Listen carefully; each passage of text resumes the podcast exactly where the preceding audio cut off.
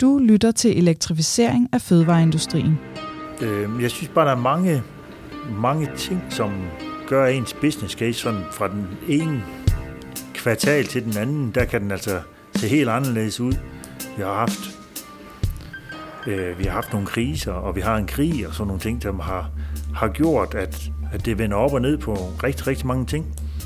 Øh, og nu er markedet der ved at stabilisere sig igen, ser det ud til, øh, på et andet niveau, end det var før. Så derfor har jeg egentlig bare brugt tiden på at finde ud af, hvor, hvorfor en teknologi synes vi er, er bedst til vores behov. Vi danskere elsker vores rugbrød, mælk, øl og leverpostej, og det koster meget energi at producere. Faktisk står fødevareproducenterne for en tredjedel af den danske industris samlede CO2-udledning. Men analyser viser, at 97 procent af alle processer i fødevarevirksomhederne kan flyttes fra olie og gas til grøn strøm. Det er årsagen til, at Vegan Måø sammen med Dansk Industri, Landbrug og Fødevare, Green Power Danmark, DTU og Industriens Fond har hjulpet 20 markante fødevarevirksomheder med at transformere deres produktion over de sidste tre år. Og konklusionen er, at ja, det kan lade sig gøre. Når teknologien er moden, og når økonomien hænger sammen. Med de store udsving i energipriserne, som vi har set i 2022, er det vigtigste spørgsmål efterhånden, om virksomhederne har råd til at lade være. Det her er podcasten til dig, der vil blive klogere på, hvordan du omlægger din produktion, så den bliver bedre rustet til fremtidens udfordringer. Podcasten er produceret af Vegan Moe for Industriens Fond. Din vært er Claus Ulrik Mortensen. Der er langt til Tise, og det er ens for alle, uanset om du bor i Aarhus eller København. Tise har markeret sig som Danmarks førende økologiske mejeri siden undfangelsen i 1988. Men selvom man er født med økologisk mælk i kartongen, er det stadig nødvendigt at arbejde systematisk med energibesparelser. Og det er årsagen til, at vi i dag er rejst til den lille flække ved Sallingsund for at gå på opdagelse i produktionen med teknisk chef Jens Møjbæk. Velkommen til. Hej, jeg hedder Jens Møjbæk og er teknisk chef på Tis Mejeri. Jeg har været på mejeriet i snart 30 år og er uddannet mejerist hernede også.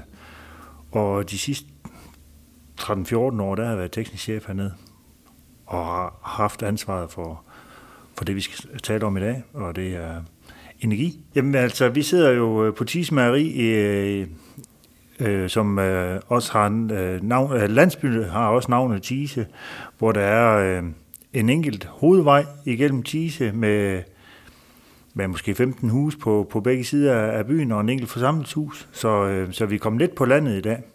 Altså mejeriet var her i forvejen, og det var konventionelt privat ejet mejeri, ejet af Paul Pedersens øh, forældre.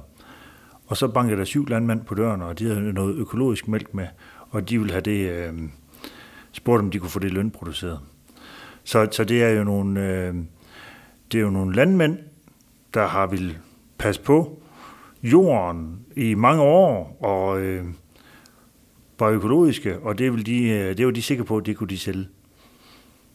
Så, så det er faktisk øh, det er jo nogle innovative landmænd i 1988, der har skabt Tise Mejeri. På mejeriet der producerer vi stort set alle mejeriprodukter, som øh, findes. Altså det er øh, konsummælk, øh, syrnede mælkeprodukter, bagerprodukter øh, og rigtig mange forskellige slags oste, og specialoste især. Der er mange andre, de øh, specialiserer sig i et produkt, for eksempel ost eller konsummælk eller smør. Her har vi slået det hele sammen under et tag, og det, det giver en masse fordele, men, men det giver også nogle gange nogle udfordringer. Øh, specielt i, at det kan være svært at optimere nogle linjer, øh, fordi at, at det, fleksibiliteten er så stor på, på nogle af linjerne. Så derfor er, er vi egentlig ekstra udfordret med, med blandt andet energi en gang imellem, at vi skal have balancen til at gå op. Og fordi helt afhængig af, hvad det er, det skal produceres til, så kan vores energibalance øh, være svær at styre. Mm. Der er ikke så meget, der er konstant. Det er det mere, hvis man kun producerer konsummælk, så, så, er det, øh, så er det meget mere konstant, kan man sige. Ordet bæredygtighed blev jo ikke rigtig brugt. Det kan godt være, det fandtes, men det blev da ikke brugt i 88 i hvert fald. Og, øh, og jeg kom jo selv ind på mejeri i 90'erne, og det var ikke, fordi jeg tænkte ret meget økologi dengang. Det var da, fordi jeg skulle uddannes til en eller anden ting og sådan nogle ting. Men, men, øh, men altså, jeg vil sige, fra sådan start nullerne og frem, der begyndte man da sådan at, at gå mere op i, hvad det egentlig var, man egentlig selv arbejdede med, og hvad, hvad var det egentlig, der skete ude i verden og sådan nogle ting. Jeg, jeg tror måske, vi har været lidt ubevidste om vores handlinger til at starte med. Vi har egentlig bare gjort det, fordi det var, altså, det var meget mere en økologi, uden vi egentlig var klar over det, men vi ville egentlig bare gøre tingene på vores rigtige måde, som vi synes, der var bedst for, for os og miljøet, kan man sige. Øhm, så vi har egentlig aldrig rigtig pralt af øh, noget som helst. Altså, vi har bare gjort tingene, som vi synes, der var mest rigtige. Altså til at starte med, der tænkte vi godt nok ikke ret meget på det. det, det der har vi jo brugt det grej, der var på mejeriet. Men vi har jo været igennem nogle rigtig store udvidelser. Øh, den, fra, fra 07 og så til i dag faktisk har vi haft en 3-4 rigtig store udvidelser. Hver gang vi har taget så et, et skridt øh, med nye bygninger og sådan nogle ting der, så begynder vi da at tænke på, på hvad hedder det, kan vi gøre nogle ting anderledes og, og, og, og har lært at tænke mere og mere bæredygtighed og, og bruge ny teknologi og, og sådan nogle ting, øh, øh, hver gang vi har, har gjort noget. Så, så, øh, så det er kommet lige så stille under huden på os, øh, i, når, i takt med, at vi er udvidet. Når vi køber nyt udstyr på, øh, ned i produktion og sådan nogle ting der, så er vi da også meget mere opmærksom på, hvad er det for noget grej. Altså, noget af det udstyr, vi har haft, det har jo det har jo ikke været nyere dato dengang, at vi, at vi gik i gang, og, og vandforbrug, det var ikke noget, man spekulerede på til at starte med.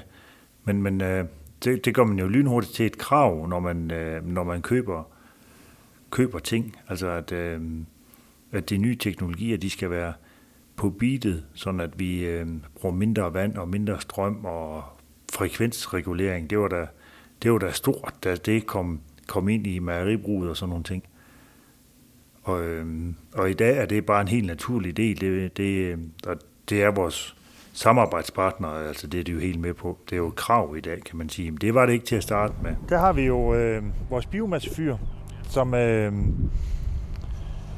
ja, den, den blev startet op i, i slutningen af 19, starten af, af 20, der, der var lige lidt indkøringsvanskeligheder, det skal ikke være nogen hemmelighed, men altså det, øh, den, den, den får jo, øh, vi får cirka 3.000 tons øh, flis om året. Vi får selvfølgelig mere om vinteren, men øh, så der kommer sådan mellem 3 og 5 lastbiler om, om ugen med, med flis til os. Sammen med landmændene, der har vi lavet så et lille fyrtonsprojekt, hvor vi faktisk har sagt, øh, kan vi nu blive selvforsynende med noget af vores flis? Eller hvor meget kan vi blive selvforsynende? Så der er faktisk lavet sådan at, øh, et forsøg, øh, hvor vi øh, landmændene de kan melde ind til vores flisleverandør, øh, at de har noget læbælte eller noget skov, der skal øh, vedligeholdes alligevel. Og så kører vores øh, samarbejdspartner ud og øh, certificerer øh, læbæltet eller skoven, øh, sådan at, øh, at, vi, at vi egentlig bruger vedligeholdelsesflis øh, flis fra, ud fra vores egen landmænd. Vores landmænd de har jo flere, mange flere kilometer læbælter, end, end, end, øh, end mange af de andre landmænd har, øh, da de, når de er økologiske. Og der er noget vedligehold på dem. Og det vedligehold, det kan vi lige så godt købe af vores egen landmænd, og så få det certificeret. Lige nu, der tror jeg, at omkring 12-15 procent af vores flis i år, det er fra egne landmænd. Og vi håber da på, at øh, vi kan få implementeret ved, ved flere landmænd. Så det, det, det er, sgu lidt, det er lidt svært at spå om, men altså jo mere jo bedre. Og hvad hedder det, landmændene de har også, øh, de kan sagtens forstå, det, det er igen det her med at være mere selvforsynende. Altså så øh, en ting er, at vi tager mere ansvar, ikke også, men der er også en forsyningssikkerhed i det. Så, øh, så det, det arbejder vi øh, meget på, faktisk. Jamen, mit navn er Mie Skov Brødskov. Jeg er seniorrådgiver her i Weekend Måge. Jeg arbejder øh, sådan med gængs industrirådgivning øh, optimering af energibehov og forsyningsanlæg, men også rigtig meget med energikortlægning, CO2-kortlægning, energiledelse, miljøledelse, kompetenceudvikling inden for alt det her område. Ja, altså, og historisk set, så har mejerier jo været forsynet med dampkedler. Øh, det er sådan... Øh, meget typisk, og det ser vi rigtig mange steder, de står der stadigvæk. Øh, når vi går i gang med sådan ligesom at skal kigge på elektrificering af et mejeri, så er det meget vigtigt, at vi, øh, vi starter med at kigge på og analysere procesbehovene ude i processen, og kigger på det, for det optimeret øh, først, inden vi går ind og for, øh, optimerer i forsyningsanlægget. Helt generelt på mejerier er det for os, og den måde vi arbejder på, og det har gjort det de sidste mange år, har været sådan en, en gennemgående analyse af at lave øh, varmvandssystemer, som vi bedre kan forsyne med ikke-fossile brændsler. Og det vil jo sige, at vi faktisk måske helt op til en 90-95 grader rigtig gerne vil forsyne behovene med noget, der ikke er damp og, og fossilt tungt brændsel, men hvor man så måske via overskudsvarme eller andre kombinationsmuligheder, nogle gange via varmepumpe, nogle gange andre løsninger, får lavet de her varmvandssystemer, som, øh, som forsyner den største del. Der er stadigvæk mejerier, som er nødt til at have damp, fordi de har nogle højtemperaturkrav rundt omkring. Så det kan vi ikke helt reducere endnu, men der findes også allerede nu teknologier. Men dem vil vi gerne have så små som muligt, inden vi begynder at skifte teknologien på dem. Altså det vi gjorde ude ved Tise, det var egentlig at kigge på et enkelt par større apparat til varmebehandling af det her mælk. Øh, hvor, vi, hvor vi lavede en varmepumpe, eller oplæg til en varmepumpeløsning, der ligesom skulle dække så meget som muligt af den varme og den kolde side som muligt. Og, og det er jo sådan lidt, øh, det vil ikke være sådan, vi gør det. Man, man vil lave under normale omstændigheder et, en større analyse, sådan så vi igen får dækket så meget som muligt på de her varmvandssystemer. Men det er jo en lille smule udfordret på sådan et sted som Tise. Og det er det jo blandt andet, fordi at de har en rigtig stor produktportefølje. Det vil sige, at de også skifter produkter på deres apparater, og igen, så det her med at få analyseret sig frem til nogle stabile driftsmønstre til sådan nogle systemer her er ret vigtigt. Især hvis man har en varmepumpe siddende, så er det vigtigt, at man ligesom har en afkøling i systemet, der, der gør, at, at den her varmepumpe også kan få en stabil drift. Det, der er TISES udfordring, er jo, at øh, de har en biomassekedel, som i dag leverer rigtig, rigtig billig varme. Så det der med at få rentable elektrificeringsprojekter med en varmepumpe, er meget udfordret af det her billige varme. Det ser vi også på naturgas andre steder. Det er ikke kun øh, fordi man har biomasse på tise, men, men i forhold til fossile brændsler og naturgas, så er vi jo der, at, at hvis, hvis vi kan gøre det på en varmepumpeløsning, jamen så kan det nogen steder give mening, og vi kan få en rentabel forretnings... Øh, en rentabel business case, øh, og det kan, det kan det langt hen ad vejen, men igen, der er alle mulige ting, der spiller ind. Hvis man kun vælger ikke at lave den her analyse af processen, men gå direkte til bare at skifte sin naturgaskedel om til en elkedel, jamen så har man det her forhold mellem naturgassen og elen, som gør, at du faktisk får måske en løsning, der er tre gange så dyr som den, du har i dag. Øh, så det kan man sige, det er ligesom derfor, vi siger, at vi starter et andet sted. Øh, og når man så går tilbage og kigger på Tise, som jo så har det her biomassefyr i dag, jamen så er de jo udfordret af, at for det første har de billig varme, men de har de her driftsmønstre, der gør, at analysen bliver stor og kompliceret. Men man kan også sige, at det her med de her biomassekedler, som, som Tise var en af forgængerne på, har jo hele tiden været tænkt som en løsning øh, i mellemperioden, indtil nogle af de her andre teknologiske udviklinger var på plads. Og det er jo nok også der, hvor Tise stadigvæk står i den her mellemperiode. De har noget levetid tilbage på deres, øh, deres biomassekedel, som gør, at, at, at i den mellemliggende periode, så er det svært for dem at få, øh, få driftsøkonomien i at gøre noget nyt. Men det er klart, at den dag, hvor de kan se ind i, at de enten skal købe en ny biomassekedel eller skifte teknologi, der står de et helt andet sted sker der det for Tise, at de for eksempel øh, får en ret stor produktionstilvækst, altså at de lige pludselig skal have meget mere mælk igennem deres anlæg, jamen så kunne de stå i nogle, øh, nogle driftsmæssige situationer, hvor de ikke har nok energi til rådighed, eller kan se ind i og forekaste, at det kommer vi til at have udfordringer med om, om to år måske. Så kunne man sige, jamen er der så noget, man kan gøre der som supplement til den her biomassekedel? Og det vil der være. Der vil være at kunne sige, at det kunne være, at alt øh, varmt vand, der går til rengøring, alt varmt vand, der går til radiator, kunne komme fra en varmepumpeløsning, der kunne hente overskudsvarmen op i køleanlægget, når den er til rådighed der. Øh, det var en mulighed. Øh, og igen, altså en mulighed er også for eksempel øh, nogle mindre varmepumper øh, til de her varmvandssystemer. Det er jo det, er jo det vi vi ser rundt omkring i husstandene også nu, at der, hvor man ikke kan, kan skifte væk fra naturgas på andre måder, så kan man få sådan en luft til vandvarmepumpe. Og dem kan man jo kombinere i store pakker, som, som kunne, kunne hjælpe dem på deres kapacitet. Ja. Altså man kan jo sige, at nu er der jo rigtig mange, der har, øh, der har røde regnskaber nu, fordi de har været fyret op med naturgas, og at vi har set en, historisk set lige på den korte bane i hvert fald nogle ret høje naturgaspriser. Og det er der jo ikke, altså det er der jo meget få mennesker i Danmark, der tager spor om, hvordan det kommer til at se ud. Øh, forsyningssikkerhed kommer også til at være en ting, der, der, der påvirker mange, og jeg tror, der er mange steder, som er rent fyret på naturgas, hvor de simpelthen vil måske kunne få aktionærer, ejere eller andre med til at sige, men vi tør ikke at blive ved med at leve an på, at hvad nu hvis vi ikke får naturgas? Altså, så kan det være sådan nogle ting, der går ind og spiller ind på, men så vil man gerne finde de der investeringspenge alligevel.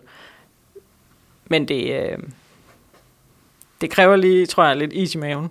Det vi ser ind i den teknologiske udvikling, er jo, at, at vi står lige med foden i nogle ret spændende demonstrationsprojekter, som allerede er i gang rundt omkring i Danmark. Øh, det her med at kunne lave en varmvandsløsning på 112 grader via en varmepumpe er ret interessant at få øh, se, hvordan er det, de så opnår den her stabile drift. Og det er efterhånden hyldevare. Det er, øh, der er ikke så mange, der har turet det endnu, men, men vi ser, at det er mere eller mindre hyldevare ved leverandørerne. Der sker meget på MVR-teknologi også, øh, og så videre, så videre. Forskellige midler til varmepumperne at køre på, så øh, det bliver spændende at følge. Og hvad sker der med brinten? Du lytter til elektrificering af fødevareindustrien. Podcasten til dig, der vil blive klogere på, hvordan du omlægger din produktion, så den bliver bedre rustet til fremtidens udfordringer. Det første projekt, vi var med i, det var sådan en, det var omkring en varmepumpe, hvor vi skulle prøve at se, om vi kunne erstatte noget af vores dampforbrug med en varmepumpe nede i, nede i produktionen i forbindelse med noget pasteurisering. Og vi tog det ind som en, en mindre case, egentlig bare for proof of concept, om der var, øh, om teknologien er der, kan man sige. Øh, og hvis man skulle, hvis vi nu skulle bygge en ny skumsal, om det var sådan den vej, man kunne gå, øh, hvor man siger, at vi skal ikke have, vi skal ikke have damp, vi skal i hvert fald ikke bruge fossile brændstoffer, øh, gas eller olie eller, eller bio, øh, hvad hedder det, flis for eksempel, til at producere dampen. Kunne vi så findes teknologien, og er den stabil nok til, at vi kan, kan hvad hedder det, øh, bruge en varmepumpe, der er drevet af el. Men som jeg startede med at sige, så øh, der er både fordele og ulemper ved, at, at vi har øh, en, en stor produktion og, og avanceret produktion, fordi vi producerer så mange forskellige ting. Og det gør, at der, noget af det, der eneste, der er stabilt i Tise, det er, at, at der er ikke nogen dage, der er ens. Så, så det, det er en meget stor kortlægning, der skal til at finde ud af helt specifikt, hvad det er for en varmepumpe, man skal have. Fordi ulempen med en varmepumpe, det er jo, at den er, den er rigtig, rigtig god, men i et meget, meget lille vindue. Hvis vi skal have det optimale af en varmepumpe, så skal vi ramme de helt rigtige temperaturer og de helt rigtige forhold omkring varmepumpen. Og det, øh, det, det kunne vi hurtigt se, at det kunne godt gå hen og give nogle udfordringer øh, her på mejeriet, medmindre vi skulle have nogle rigtig, rigtig store akkumuleringstanke. Og så har vi lige nogle fysiske forhold, der gør, at, at det jo ikke bare sådan, det, de kan da bare lige stå her. Altså der er vi, altså vi kan nok godt få plads til dem en dag, men altså det er jo lige kræve lidt øh, lokalplansændringer og sådan nogle ting, inden at, øh, at vi er der. Men det fede er det, det er, at vi har det med nu, vi har det i kufferten. Øh, ved næste større udvidelse, så kan vi tage det med. Øh, og kan finde ud af, om det er noget, vi vil eller ikke vil. Men altså, nu ved vi, hvad der skal til, kan man sige. Øh, og så det, har vi bare nogle tal, vi skal ind og, og redigere i. Altså, op, hvad hedder det, øh, opdatere nogle, nogle tal. Det kan være elpriserne, kilowatterne, vi har forbrug og sådan nogle ting. Øh, og så bare verificere vores, vores arbejde dengang. Mm. Så, så det, er jo, det er jo rart at have med øh, som en ballast, en viden til, til næste projekt, kan man sige. Det andet projekt, I kiggede på, prøv at forklare, hvad, hvad, hvad det gik ud på. Jamen det var egentlig, hvis nu jeg øh, siger, at jeg vil have dampen, fordi at, øh, at meget af vores opvarmningssystem på mejeriet, på det eksisterende mejeri, det er damp. Og det er lagt ud til, at det skal være damp, så den energi, der er i dampen i forhold til varmt vand for eksempel, den er markant større. Og hvis det skulle konverteres til vand, så har man, altså, det, er en, det er en meget, meget stor investering, og også fysisk på nogle veksler, der skal være meget større. Så kunne man vente om at sige, at vi vil have produceret damp, Altså vi skal tilføre damp til virksomheden. Kan vi gøre det på andre måder end olie eller gas eller, eller øh, flis i vores tilfælde? Og så prøvede vi at, øh, at sige, at vi vil have en, en, øh, en elkedel, en halv stor elkedel, vil jeg godt indrømme, og så øh, sige, jamen, kan vi så producere vores øh, strøm selv til elkedlen, altså i form af solceller, solceller eller vindmølle eller vindmølle. Og der har vi jo, der findes jo masser af data på vindmøllerne, øh, også i Salling, dem har vi mange af, så, så der er jo der, kan, der var meget valid data i området til at sige, hvor meget kan en, en vindmølle producere, hvis den står her, og, og vi, øh, og hvad hedder det, solceller, det, det findes der også masser af data på, ikke også? Så derfor prøvede vi at, at lave sådan en scenarie, hvor vi egentlig skulle erstatte, øh, hvad hedder det, øhm, vores dampkedler med elkedel. Sådan at, ja, det er jo stadigvæk en dampkedel, men den bliver, det bliver produceret på el i stedet for. Uden at have spurgt nogen som helst, om man kunne få øh, ampererne til mejeriet og sådan nogle ting der. Simpelthen en case og se, om kan det lade sig gøre, og hvor, hvor er vi henne sådan rent investeringsmæssigt, hvis vi skal til at købe vindmøller, og vi skal til at have... Øh, det er jo ikke sikkert, at solceller på taget er nok. Skal vi have flere solceller? Hvor mange hektar skal vi have? Uden igen om, hvor skal det være hen. Det var simpelthen bare en, en hardcore business case på, på det her, øh, hvor vi så fandt ud af, at, øh, det, at teknologien er der, elkæden den findes, og den skal bare, det er bare at få den bestilt, kan man sige. Mm. En vindmølle, den koster sgu lidt penge. Øh, solcellerne, det, det kan man få råd til, men, men altså 100% øh, selvforsynende, det, det er ikke det er ikke lige nu, at, øh, at den teknologi er der. Øh, så skal man så skal man til at snakke om batteribank øh, af den helt store skuffe. Selvfølgelig alt kan jo lade sig gøre, hvis, øh, mm. hvis penge det ikke er nogen begrænsninger, men, men, men, men det er det altså øh, i de fleste tilfælde. Der er jo meget politik omkring solceller og vindmøller og sådan nogle ting der, så det, det, det er, man kan sige, jeg har, jeg har kortlagt det. Øh, jeg kan jo fortælle, hvad, hvad der kan lade sig gøre og ikke lade sig gøre, og så går der sådan lidt lokalpolitik i det med hensyn til, hvad, hvad der er muligheder øh, med vindmøller, solceller og, øh, og sådan nogle ting der. Så det, sige, nu har jeg sådan givet det videre til, til nogle andre, mm. og igen, det skal en masterplan-strategi, altså hvad er det, vi vil, og sådan nogle ting. Det, det er jo sådan nogle investeringer på mellem 40 og 50 millioner, mm. hvis man, man skal have en vindmølle og, og, og en elkedel og sådan nogle ting der. Men sådan, hvis man bare kigger hen på en elkedel, der skulle erstatte øh, noget af det, vi har, så, så øh, om du bygger en ny biomassefyr, eller om du køber en elkedel, det kan man sige, det er, det er tæt på at være, at være det samme. Det er det, men, men så er der, men, men prisen for eksempel på ellen lige nu, den, den, er, den er ikke sådan, det er ikke den bedste business case, det er det altså ikke. Altså hvis vi også skulle tjene lidt penge, øh, så, øh, så der kan man blive lidt udfordret. Mm. Men, øh, men det kan lade sig gøre. Hvor er vi øh, på vej hen nu?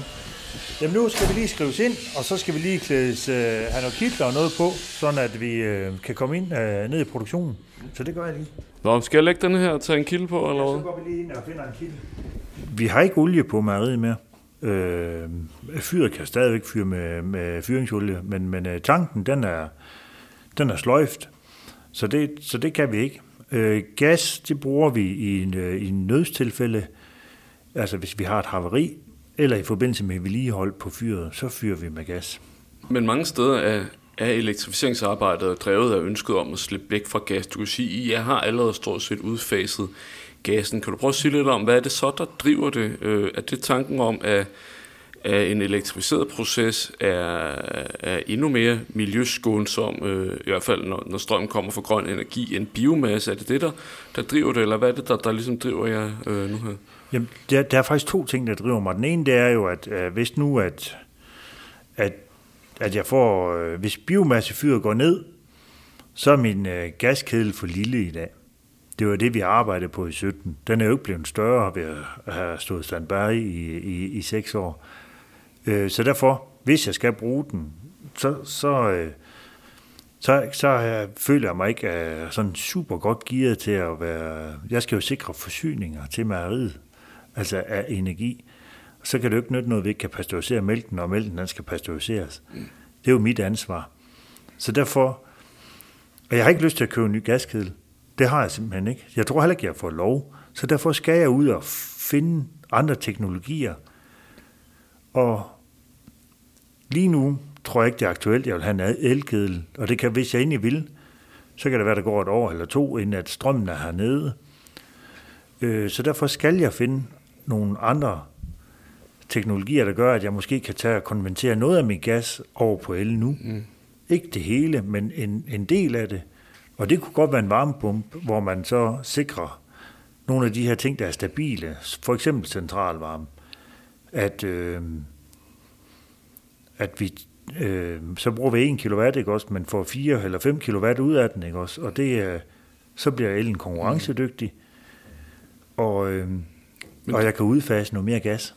Men det lyder som om, du, du går med, med nogle overvejelser. Det kan jeg så også regne ud, at, at der ikke er truffet nogen endelig beslutning om, om retning for det her. Men kan du prøve at sige lidt omkring, hvad er egentlig, hvad er egentlig processen i forhold til det? Altså, hvordan, hvordan beslutter Tise sig for, hvad I gør i forhold til det? Jeg har lavet nogle forskellige forundersøgelser. Jeg har kigget på varmepumper, jeg har kigget på, på elkedler, jeg har kigget på, øh, på egen forsyning med, med strøm og måske også noget, øh, noget læringsteknologi, hvad ved jeg. Altså, men der, hvordan kommer I herfra så til en, en, en beslutning, og hvad er det for nogle forhold, der spiller ind der?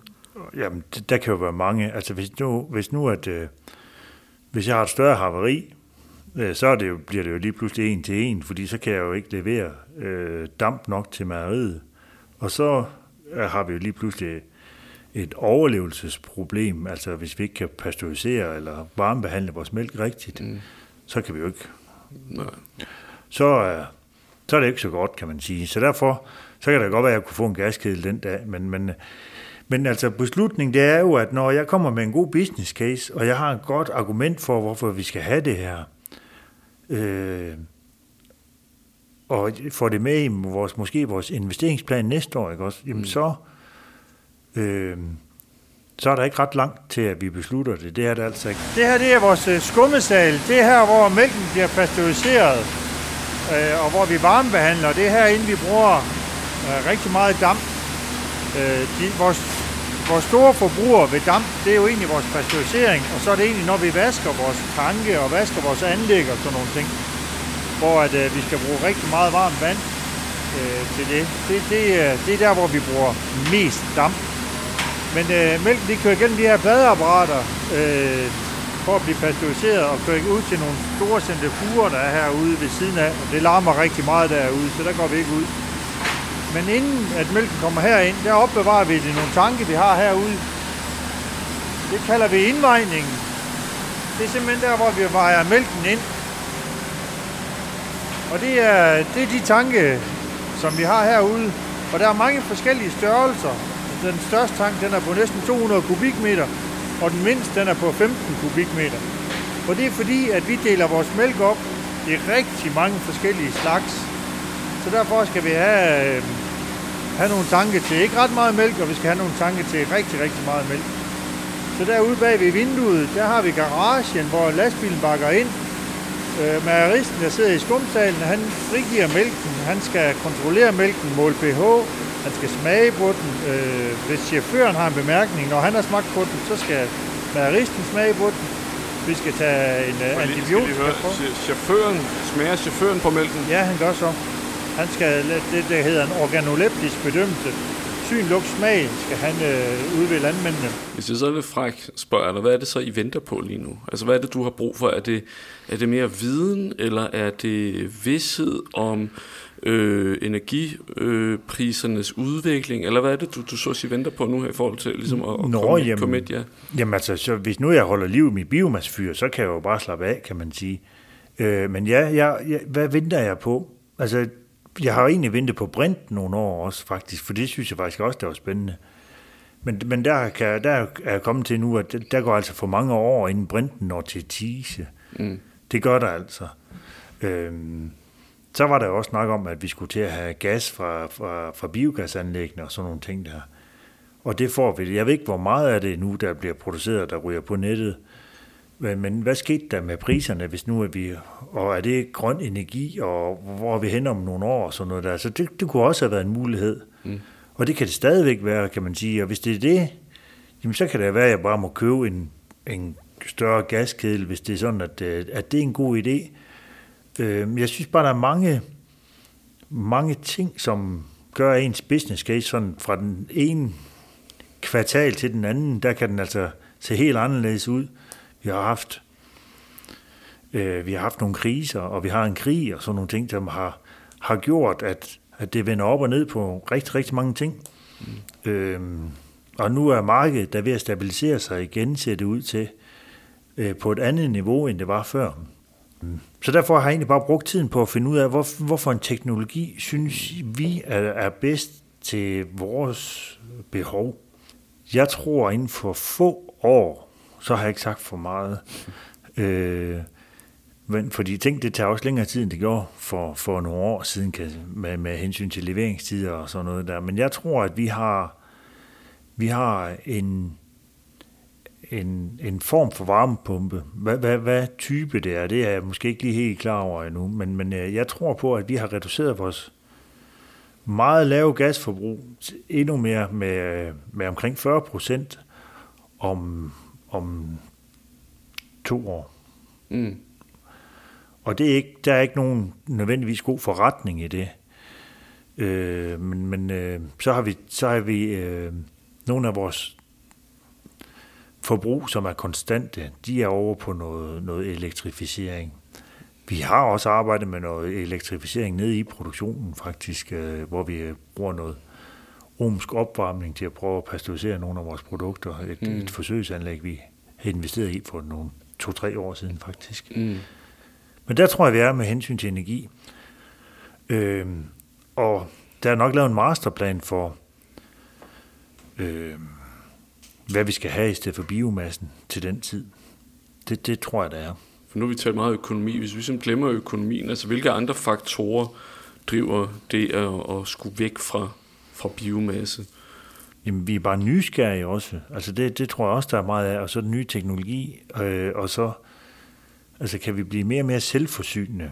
Det tror jeg faktisk, det er ligesom vi har vi gerne vil med, med elen og sådan noget der. Det tror jeg, det er noget af det, der er gået op for folk her. Altså, jo mere selvforsynende mm. man er, jo, jo, øh, jo mere sikre kan man også blive. Altså for eksempel med solceller eller en vindmølle og, og de her batteribanker, jeg tror, eller, jeg tror de, de, de vinder ind mm. øh, mange steder på, på store virksomheder, og så bliver det brugt intelligent mm. i forbindelse med det her reguleringsteknologi. Det er jo også en ny måde at udnytte sin energi på, på, på en helt anden måde faktisk. Der dufter ost her. Ja, men, men øh, det er fordi, at øh, øh, det er fordi, at øh, osteriet er inde ved siden af her. Ja. Det her, det er vores, øh, vores smørafdeling, hvor at, øh, at vi laver, at det fløde, vi ikke øh, bruger til konsummælk og, og i vores andre produkter, det samler vi op i nogle tanke, der er herinde bagved. Og så herinde, der har vi så øh, et anlæg, der kan producere smør. Og så kan vi, helt afhængig af, hvad det er for en type smør, så kan vi enten køre det på foliemaskinerne, eller også så har vi en, en bæremaskine her. Det er i hvert fald unikt, at der bliver produceret så mange forskellige ting på den samme site. Det, det er unikt. De er mange gange strømlignet og optimeret til at kunne producere smør så kører man fløden fra andre mejerier til smørmejeriet. Øh, og, og så det mælk, man ikke skulle bruge her, det kører man på et andet mejeri, og så laver man kun ost på det mejeri, og så laver man konsumælk på det mejeri. Mm. Her, der er det hele samlet under et tag.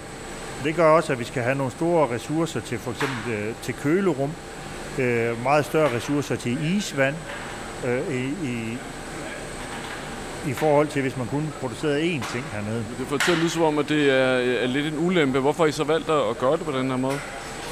Altså, det er jo bare sådan, vi altid har gjort. Altså, vi er jo hummelbien jo. Altså, vi ved jo ikke, vi, vi, vidste ikke, vi ved ikke, vi ikke kan flyve jo.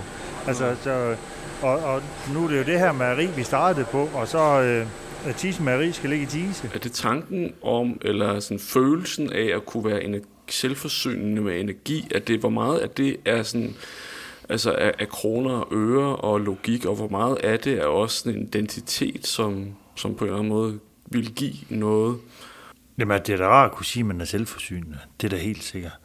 Men, men, men altså, øh, det er jo egentlig også den verden, vi har oplevet de sidste halvanden to år, ikke også? Altså, de kriser, vi har været igennem, hvor man kunne sige, hvordan kan vi sikre os selv øh, lidt bedre og sådan nogle ting. Det er jo nok den tanke, vi har gået med.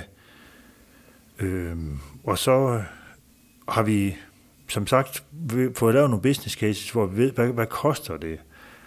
Og, og det er jo ikke sikkert, at det er os, der skal jeg tror ikke, det bliver en model, hvor det er os, der skal investere det hele, men altså, det kan sagtens være, at der er nogen, der investerer i det, kan man sige, og så at vi er aftageren i det. Det er jo nogle modeller, der er set mange steder.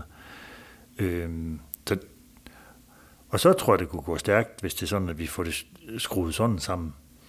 Men det altså igen, der er lige noget lokalplan, der er lige nogle naboer og noget, altså, øh, altså alle naboerne her vil vi jo gerne være gode venner med, så det, det, det, det skal der være fuldstændig styr på, inden man sætter sådan noget i gang, selvfølgelig. Mm. Du har lyttet til Elektrificering af fødevareindustrien. Podcasten er produceret af Vegan Moe for Industriens Fond. Tak fordi du lyttede med.